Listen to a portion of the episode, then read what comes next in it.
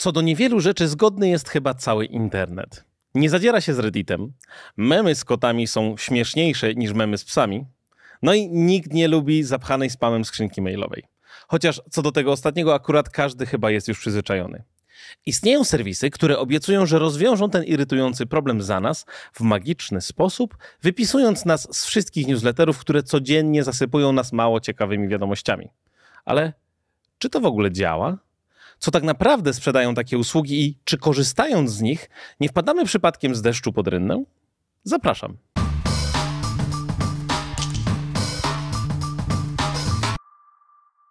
Wezmę dziś na warsztat serwis Unroll Me.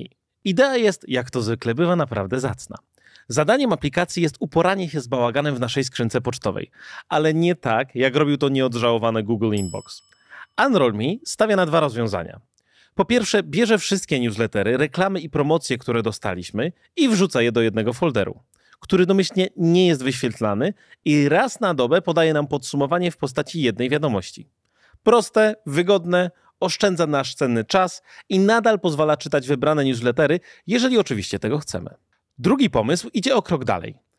Apka pozwala jednym kliknięciem odsubskrybować rzeczy, których otrzymywać już nie chcemy, zamiast przeklikiwać się przez dziesiątki, jak nie setki maili, szukając zakopanego gdzieś głęboko linka do rezygnacji z newslettera. Albo jeszcze gorzej, przechodzić przez jakieś ankiety, gdzie musimy się tłumaczyć, dlaczego nie chcemy już dostawać maili reklamowych firmy X. Genialne w swojej prostocie. Ale skąd Unroll Me w ogóle się wzięło? To założony w Nowym Jorku startup, który wystartował pod koniec 2011 roku. Na początku było to zamknięte elitarne grono, dostępne tylko na zaproszenie. Z czasem został udostępniony szerokiej publice, a ilość jego użytkowników zaczęła szybko rosnąć.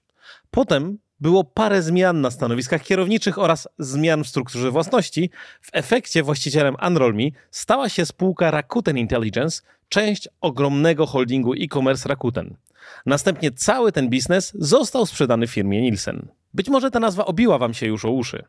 Zajmują się oni m.in. szeroko pojętą analizą danych, w tym szczególnie badaniem zachowań kupujących.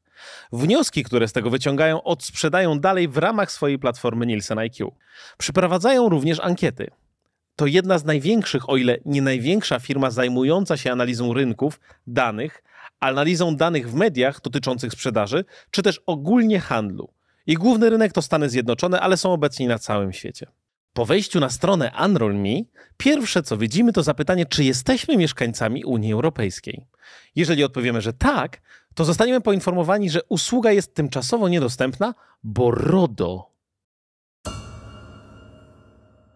No ale jak niedostępna? Kto by się tam jakimś RODO z RODO przejmował? Wystarczy przecież powiedzieć, że jesteśmy spoza Unii Europejskiej i ich strona internetowa staje przed nami otworem. A czego możemy się z niej dowiedzieć? Sama aplikacja jest bezpłatna, ale za darmo to przy obecnej inflacji chyba ciężko nawet po ryju dostać.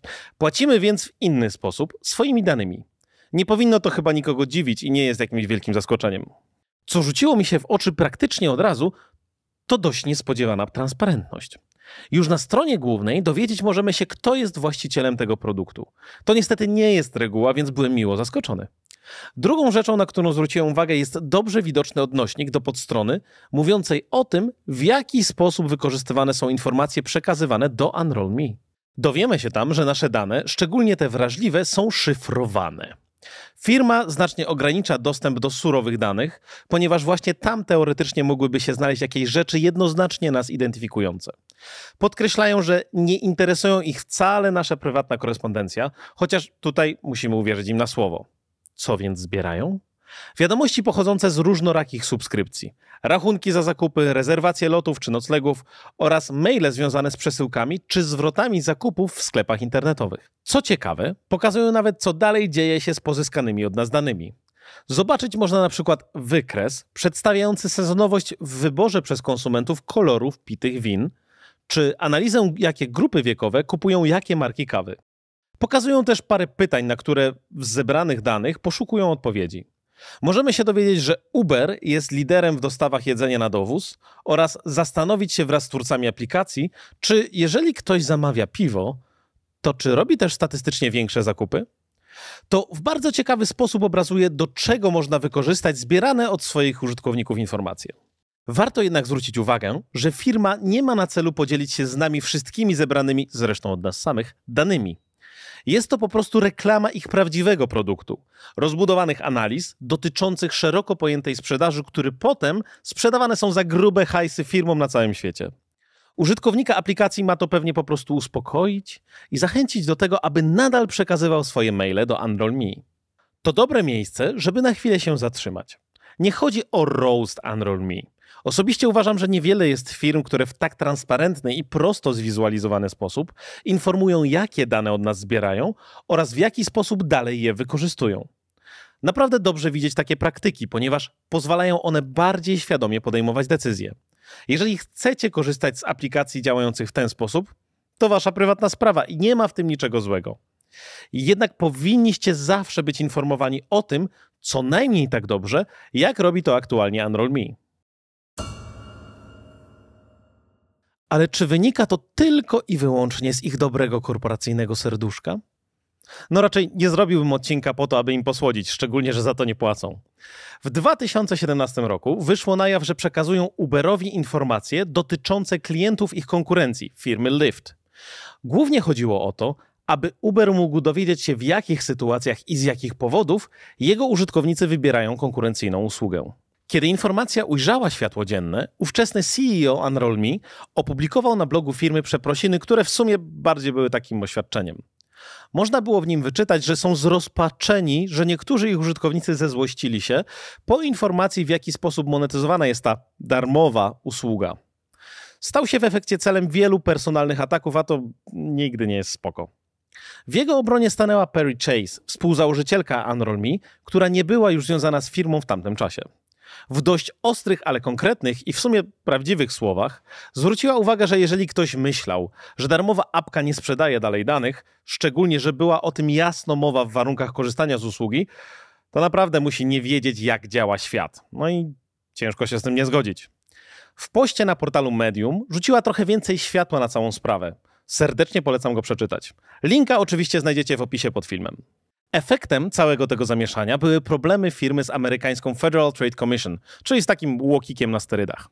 Oskarżenia o wprowadzenie w błąd swoich użytkowników co do zakresu wykorzystywanych ich prywatnych danych zostały uznane za słuszne i w wyniku porozumienia Unroll.me zostało zobowiązane do ich usunięcia. W sensie danych, nie użytkowników. Musieli też poinformować korzystających z usługi, w jaki dokładnie sposób oraz co jest o nich zbierane, a także nie wolno im od tej pory ściemniać w zakresie zbieranych informacji. A więc zagadka się rozwiązała. To nie dobra wola firmy, tylko pogrożenie palcem przez organ nadzorujący. Ale czy jest jakaś alternatywa? Czy jesteśmy już do końca naszych dni, skazani na nieskończony ocean spamu w naszych skrzynkach pocztowych? No bo przecież można się teoretycznie przeklikać przez te wszystkie maile, sprawdzić ich stopki, znaleźć w nich link do odsubskrybowania newslettera, po czym przejść przez ankietę, w której pytają nas, dlaczego rezygnujemy z ich cudownego mailingu, przy okazji wymagając od nas nawet podania numeru buta. No niby można. Ale tutaj mam dla was dwie wiadomości i tak, obie są złe.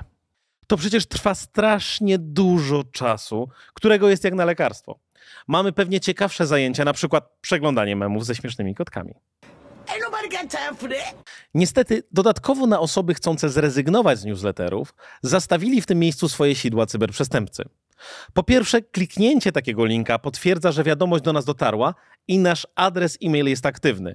To może zaś spowodować, że więcej spamerów będzie wysyłać do nas wiadomości.